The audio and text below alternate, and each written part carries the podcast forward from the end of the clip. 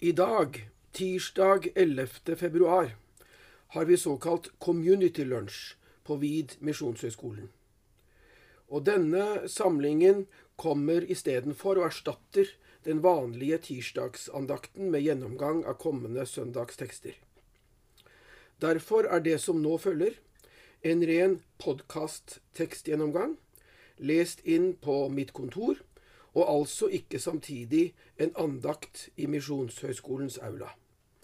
Av denne grunn bortfaller salme og bønn. Kommende søndag er Kristi forklarelsesdag, med prekentekst hentet fra Matteusevangeliet kapittel 17 vers 1-9. Denne teksten forteller at Jesus' sanne vesen og karakter ble åpenbart og forklart for de tre disiplene Peter, Jakob og Johannes, da de var sammen med ham på et høyt fjell. Denne fortellingen inngår i alle tre synoptiske evangelier, og de tre parallelltekstene veksler med hverandre som evangelietekst på denne søndagen. Matteus etter første rekke, Markus etter andre og Lukas etter tredje rekke.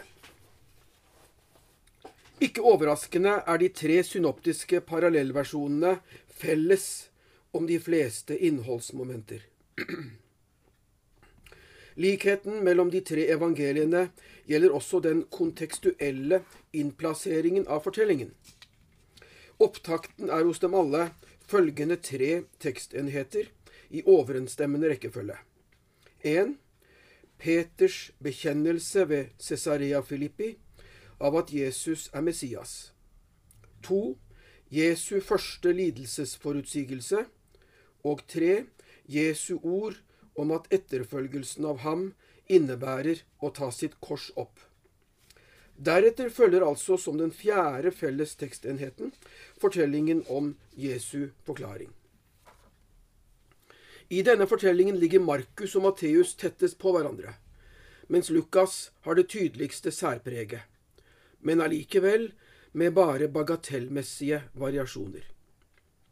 Like fullt kan valget mellom å la de tre parallellene veksle med hverandre i en treårssyklus berettige at predikanten passer på å registrere og eventuelt ta inn i prekenen særmomenter fra den evangelieteksten det til enhver tid er tale om.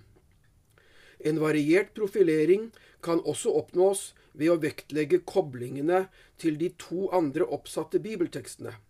For de er ikke direkte paralleller til hverandre, slik altså evangelietekstene er det. Årets evangelietekst, som også er prekenteksten blant de tre, er som alt sagt den fra Matteusevangeliet, og den er sammenstilt med 5. Mosebok 18, 15-18 og Johannes' åpenbaring 1, 9-18 som lesetekster. Jeg leser teksten fra Matteus 17, vers 1-9. Seks dager senere tok Jesus med seg Peter, Jakob og hans bror Johannes og førte dem opp på et høyt fjell, hvor de var alene. Da ble han forvandlet for øynene på dem. Ansiktet hans skinte som solen, og klærne ble hvite som lyset. Og se, Moses og Elia viste seg for dem og snakket med ham. Da tok Peter til orde og sa til Jesus, Herre, det er godt at vi er her. Om du vil, skal jeg bygge tre hytter. En til deg, en til Moses og en til Elia. Mens han ennå talte, kom en lysende sky og skygget over dem og en røst lød fra skyen. Dette er min sønn, den elskede. I ham har jeg min glede. Hør ham. Da disiplene hørte det, kastet de seg ned med ansiktet mot jorden, grepet av stor frykt. Men Jesus gikk bort og rørte ved dem og sa, Reis dere, og vær ikke redde. Og da de løftet blikket, så de ingen andre enn ham, bare Jesus. På veien ned fra fjellet ga Jesus dem dette påbudet. Fortell ikke noen om dette synet før menneskesønnen har stått opp fra de døde. Dette er en tekst gjennomsyret av gammeltestamentlige motiver, som legger klare føringer for hvordan den skal tolkes og forstås. Jeg vil mene at dette gjelder allerede for tidsbestemmelsen som åpner fortellingen. Jesus besteg det høye fjellet etter seks dager. Det er ikke angitt noe utgangspunkt for dagtellingen, så vi styres mot og assosierer hva andre Mosebok kapittel 24 forteller om paktslutningen ved Sinai. Jeg leser versene 16 og 18 derfra. Herrens herlighet hvilte over Sinai-fjellet, og skyen dekket det i seks dager. Den sjuende dagen ropte Herren på Moses fra fjellet. Så gikk Moses inn i skyen og opp på fjellet, og Moses ble på fjellet i 40 dager og 40 netter. Selv om Moses alene trådde inn i herlighetsskyen, var også han, i likhet med Jesus, ledsaget av tre personer, hvorav to var brødre, nemlig av øverstepresten Aron og brødrepresteparet Nadab og Abihu. En videre, para, en videre parallell mellom Sinai og scenen med Jesus på fjellet er stråleglansen hos Moses og Jesus. Etter at han hadde trådt inn i skyen og det guddommelige lyset, strålte det av Mos ansikt da han kom tilbake til israelittene, slik det beskrives ti kapitler lenger ut i andre Mosebok, i kapittel 34, vers 29 35. Jeg leser fra begynnelsen av dette avsnittet. Det strålte av ansiktet hans fordi Herren hadde talt med ham. Aron og israelittene så at det strålte av ansiktet hans, og de var redde for å komme nær ham. Slik forvandles også Jesus for disiplenes øyne. Sitat, Ansiktet hans skinte som solen, og klærne hans ble hvite som lyset. Slik skildrer Matteus det i vers 2, med formuleringer som til dels er unike for ham sammenlignet med Markus og Lukas. Dernest viser Moses og Elisa, Elia seg for de tre disiplene, og de er vitne til at disse to ruvende skikkelsene fra Israels historie samtaler med Jesus. Hvorfor nettopp Moses og Elia? Svaret må være at disse to er de eneste i Det gamle testamentet som mottok Guds åpenbaring på fjellet. Moses slik vi allerede har berørt med henvisninger til og sitater fra andre Mosebok, på Sinai, etter at han hadde ført israelsfolket ut fra Egypt, og Elia på samme fjell, riktignok i fortellingen om ham i første kongebok kapittel 19, kalt Horeb. Når Peter blir vitne til dette møtet og samtalen mellom de gamle åpenbaringsmottagerne og Jesus, tilbyr han overfor Jesus å bygge tre hytter. En til ham, en til Moses og en til Elia. Og dette er et innslag i fortellingen også dette er et innslag i fortellingen som har bakgrunn i Det gamle testamentet. Forbildet er teltet, telthelligdommen, som ble reist på Sinai som bolig for Herren, og som Moses gikk inn i for å tale med Gud. På gresk er det tale om ett og samme ord, skene, som til norsk er blitt oversatt med henholdsvis telt og hytte. Jeg leser et par vers fra andre Mosebok kapittel 33, versene 8 til 10. Sitat. Hver gang Moses gikk ut til teltet, reiste hele folket seg og ble stående hver ved inngangen til sitt telt. De så etter Moses til han var kommet inn i teltet. Og når Moses var kommet inn i teltet, senket skysøylen seg og ble stående ved inngangen til teltet, og han snakket med Moses. Når folket så skysøylen stå ved inngangen til teltet, reiste de seg alle sammen, bøyde seg og tilba, hver ved sin teltdør. Sluttsitat. Hvis vi så forflytter oss til, siste, til de aller siste versene i Andre Mosebok, kapittel 40, vers 34-38, blir vi vitne til at Herrens herlighet, hans kabod eller doxa, på en så kompakt og overveldende måte fyller telthelligdommen at Moses ikke lenger kan gå inn. Sitat, Moses kunne ikke gå inn i telthelligdommen fordi skyen hadde tatt bolig over den, og Herrens herlighet fylte boligen. Vi vender tilbake til scenen på fjellet i Galilea. Fremdeles mens Peter på vegne av seg selv og de to andre disiplene fremførte sitt tilbud til Jesus om å bygge hyttene,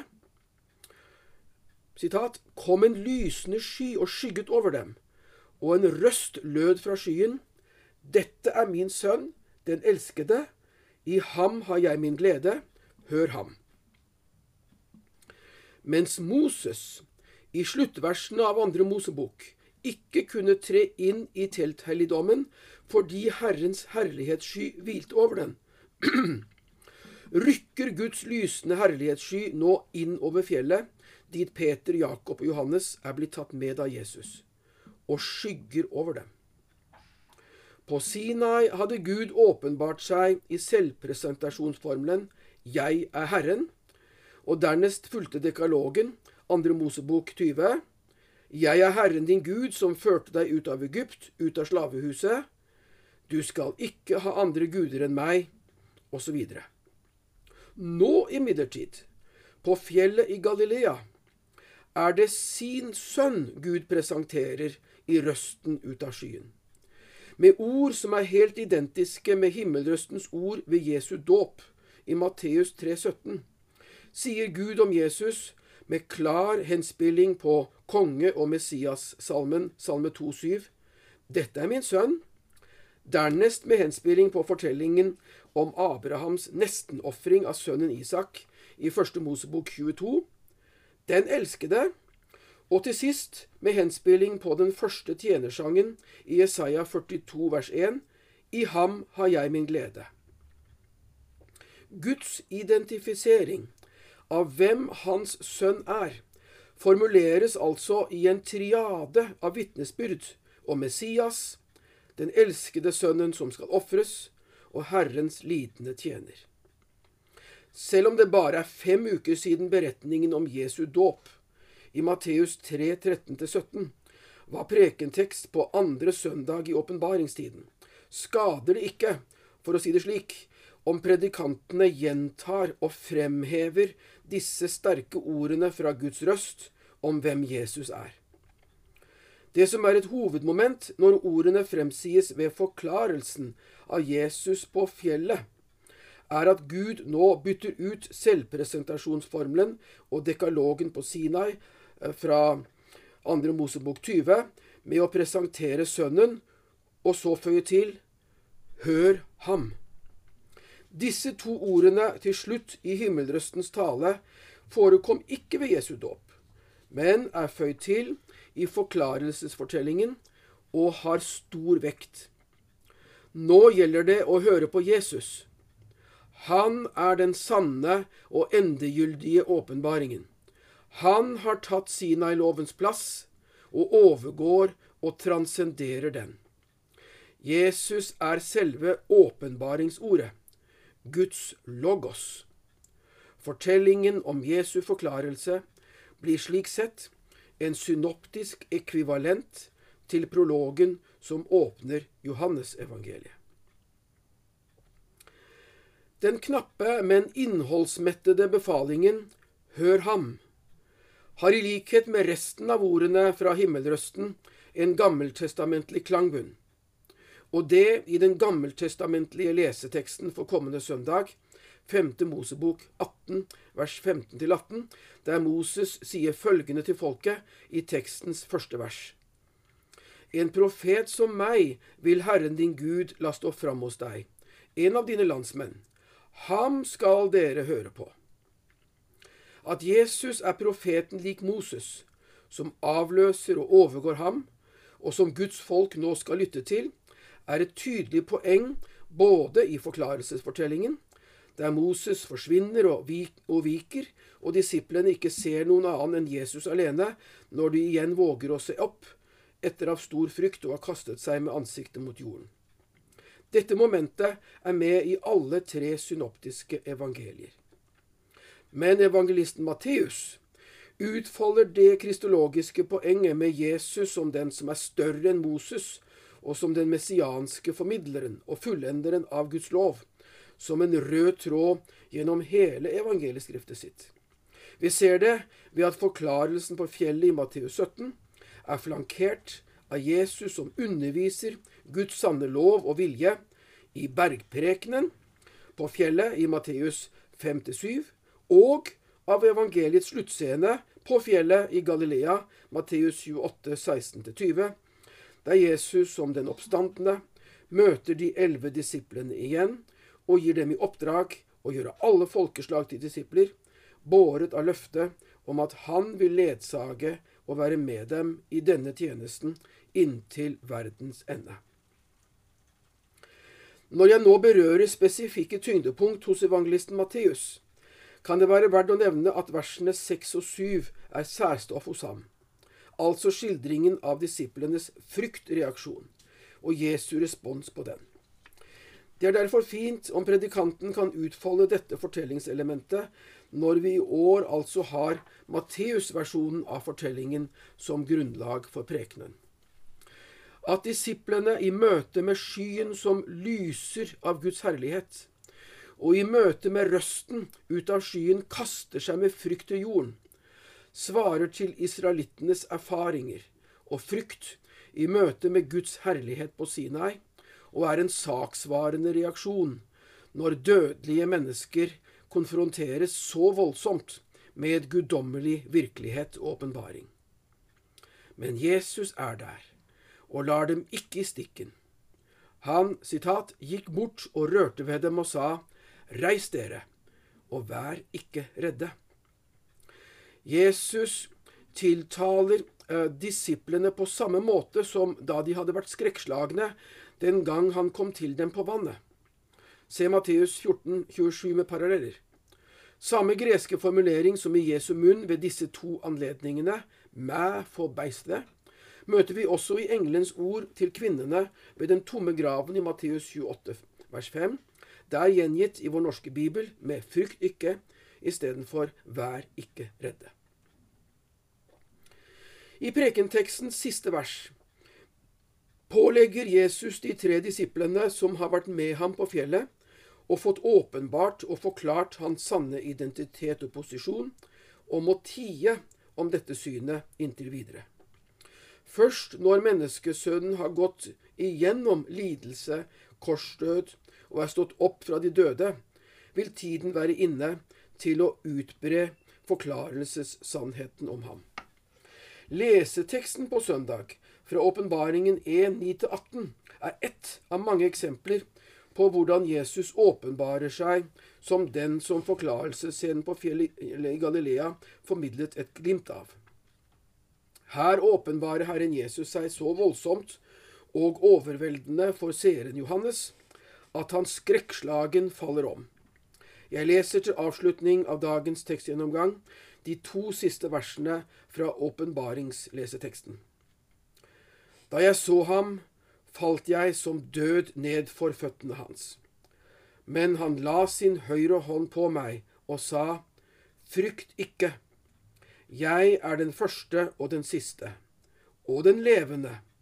Jeg var død, men se, jeg lever i all evighet, og jeg har nøklene til døden og dødsriket. Lykke til, og Guds velsignelse for alle som denne uken forbereder forkynnelse til Kristi forklarelsesdag.